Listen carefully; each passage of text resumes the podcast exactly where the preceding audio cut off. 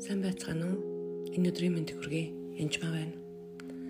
Энэ удаа би та бүхэндээ аав ээжүүд болон хүүхдүүдтэй холбоотой гомдол үл уучлалын асуудлын талаар хэлэх гэсэн юм. Ихэнх хүүхдүүд маань аав ээжтэй гомдсон тохиолдод байдаг.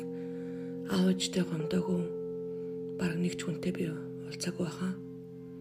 Миний аав ээж сайн гэсэн боловч сайн ухаад асуугаад эхлэхээр гомдлууд ярьж эхэлдэг. Жишээлбэл нэгэн харамсалтай дүүхийн талаар ярьж өгье. Гурван хүүхэдтэй эмэгтэй гурав дахь хүүхдээ дөнгөж 3 настай байхад нь харамсалтайгаар өвдөд нас барсан. Нэг хүүхэд нь амиа алдаад, нэг хүүхдээ өргүүлээд, нэг хүүхэд нь амьд үлдсэн. Харин аав нь ихнэр хүүхдээ алдсан байдлаа сэтгэлийн шархаа дааждахгүйгаасаа болоод хүүхдээ хаяад бараг зурцсан. Ажил ажил гэд алга болсон гэж хэлж болно. Харин энэ үед хүүхэд маш харамсалтай байдалд орон айлаас айл дамжин амьдралахгүй хэрэн явцгаасан. Ингээд мэдээж зовлон зүтгэр зөндөө үтсэн байгаа, зодуулсан, захиулсан За ингээд өлссөн, ядарсан боловсрол эрүүл мэндийн асуудал гээд олон асуудлууд гарч ирсэн. Дараа нь тэр эрэгтэй маань аавыгаа уучлах гэж нилээ юм болсон. Итгэж болсон хойноо заавал аавыгаа уучлах ёстой гэж хүчлэн хүчлэн уучлж хэд хэдэн удаа очин уучлсан. Харин аав нь ерөөсөө амьдрал тохиолдсон тэр боломжоос гараагүйсэн. Заримдаа бид аав ээжүүд маань өөрсдийн амьдрал тохиолдсон саалалт хайртай дотны хүнээ алдсан алдагдал энэ бүхнийг харж чадахгүйгээс болоод өөрт нь тохиолдсон шархаа хүүхдтэй гаргадаг. Харин хүүхд нь том зургаа харж чадахгүй буюу энэ аав ээж надад цаг цаг гарцуулах ёстой л гэсэн бодолтой хайцсан бэ наав гэсэн гомдлуудаар дүүрэн байдгаасаа болоод шархалсан байдаг.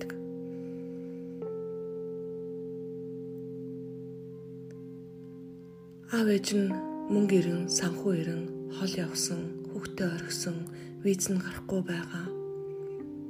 Гээд маш олон салалтууд байдаг. Аав ээж хүүхдийн салалт бол маш хэцүү зүйлүүдийн нэг. Бүр хамт амьдарч байгаа мөртлөө өнчрлийн сүнстэй хүмүүс байдаг. Өнчрөлтөө. Аав ээж нь хажууд нь амьдарч байгаа боловч байхгүй юм шиг үл тоомсорлон ажил ажил эсвэл өөр парти шоу эсвэл зүгээр өөрөө өөрийгөө нэг рүү цоочилсан байдаг. Тэгэхээр энд нэг юм хэлээ. Энэ бүх зүйлийг уучлахын тулд яах ёстой бэ? Энд чи хэний буруу юм бэ? Нийгмийн юм уу? Орхиод явсан аав ээж юм уу? Хүүхдэд ямар буруу байгаа юм бэ? гэх мэтлэн олон асуултууд гарч ирнэ. Маш эдрээтэй бодлогын нэг Энэ нь олон жилийн шарх гомдлыг үүсгдэг. Аль алинд нь.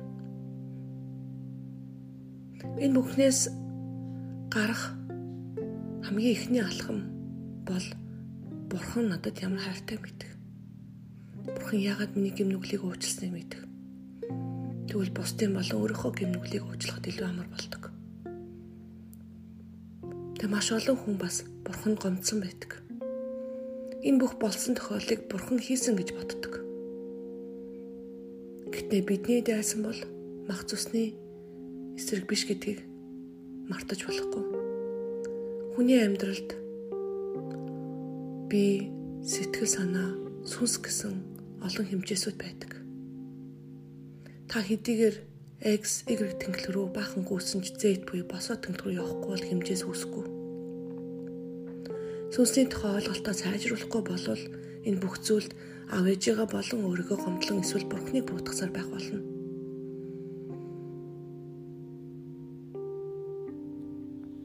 Эхний ээлжинд буруутгаж байгаа зүйлүүдээ олох хэрэгтэй.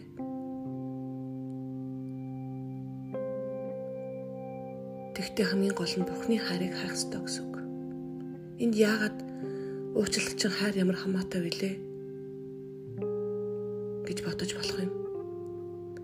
Хин нэгэн хин нэгнэр хайрлагдаагүй бол бусдыг уучлахад маш хэцүү байдаг.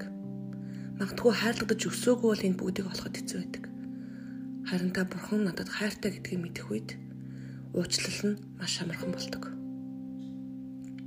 Өнөөдөр их хол философийн чанартай хэцүү юм шиг юм ярьж магадгүй. Гэхдээ үнэхээр Иесус Христ итгэснээрээ тэр ах маань аавыгаа уучлсан. Аавтаа сайн мэдээ ярьсан. Аав нь ч гэсэн ядаж амьдралтай болж хүрсэн.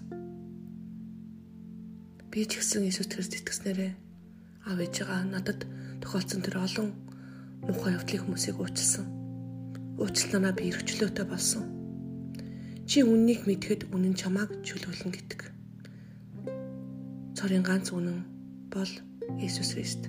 Тэрийг би амьдралаараа баталж чадна. Дараагийн эпизодоор уулзцгаая.